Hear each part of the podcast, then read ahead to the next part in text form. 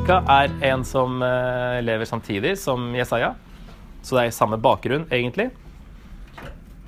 Eh, ondskap generelt, og spesielt korrupt lederskap, eh, er noe han eh, tar opp.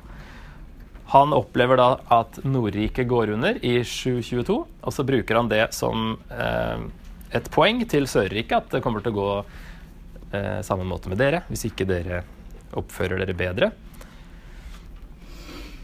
Og det skjedde jo i 586, men før det så står det faktisk at et budskap som Mika hadde, førte til at eh, eh, dommen ble avlyst, eller i hvert fall utsatt. Og det var jo poenget med profetene, at de skulle få folk til å omvende seg. Så han siteres da i, i Jeremia 26.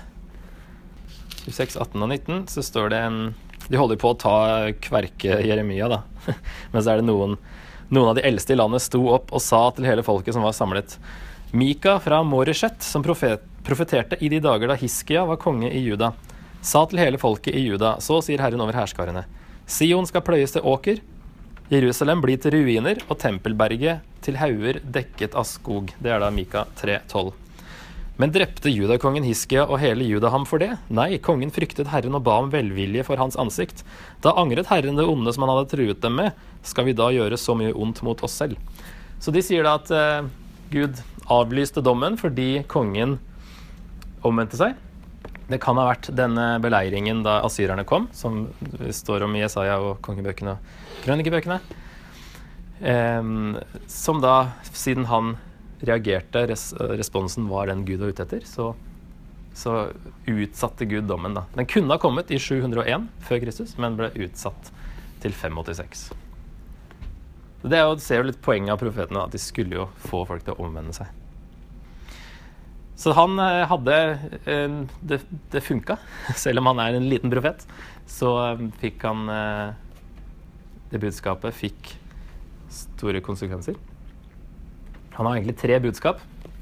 Alle begynner med 'hør'. Så kan man dele inn da på den måten. Eh, og da går den syklusen igjen. Dom og, synd og dom og gjenopprettelse. Tre ganger. Og i Spesielt her, da. I Mika 5 så er det jo der det sies at eh, Vi kan egentlig gå til Jesus da. Der det står at eh, en hersker over Israel skal komme fra Betlehem. Han skal gjete i Herrens kraft. De skal bo trygt. Hans makt rekker til jordens ender, og han skal være fred. Som siteres i Matteus 2,6. Derfor vet de at uh, Messias skal bli født i Betlehem pga. Mika 5,1 her, eller 2. Eh, de tenkte jo, når de hørte Betlehem, så tenkte jo alle David, for han var født der. Så det her er, da en Davids etterkommer, en ny David som skal komme. Som eh, Det er noe stort her, da. Hans makt rekker til jordens ender, og han skal være fred. Altså en fredskonge med stor makt. Eh, og det er snakk om gjeting og sauer i alle disse tre gjenopprettelsene. Den her er jo tydelig, i hvert fall om Jesus, deler av den.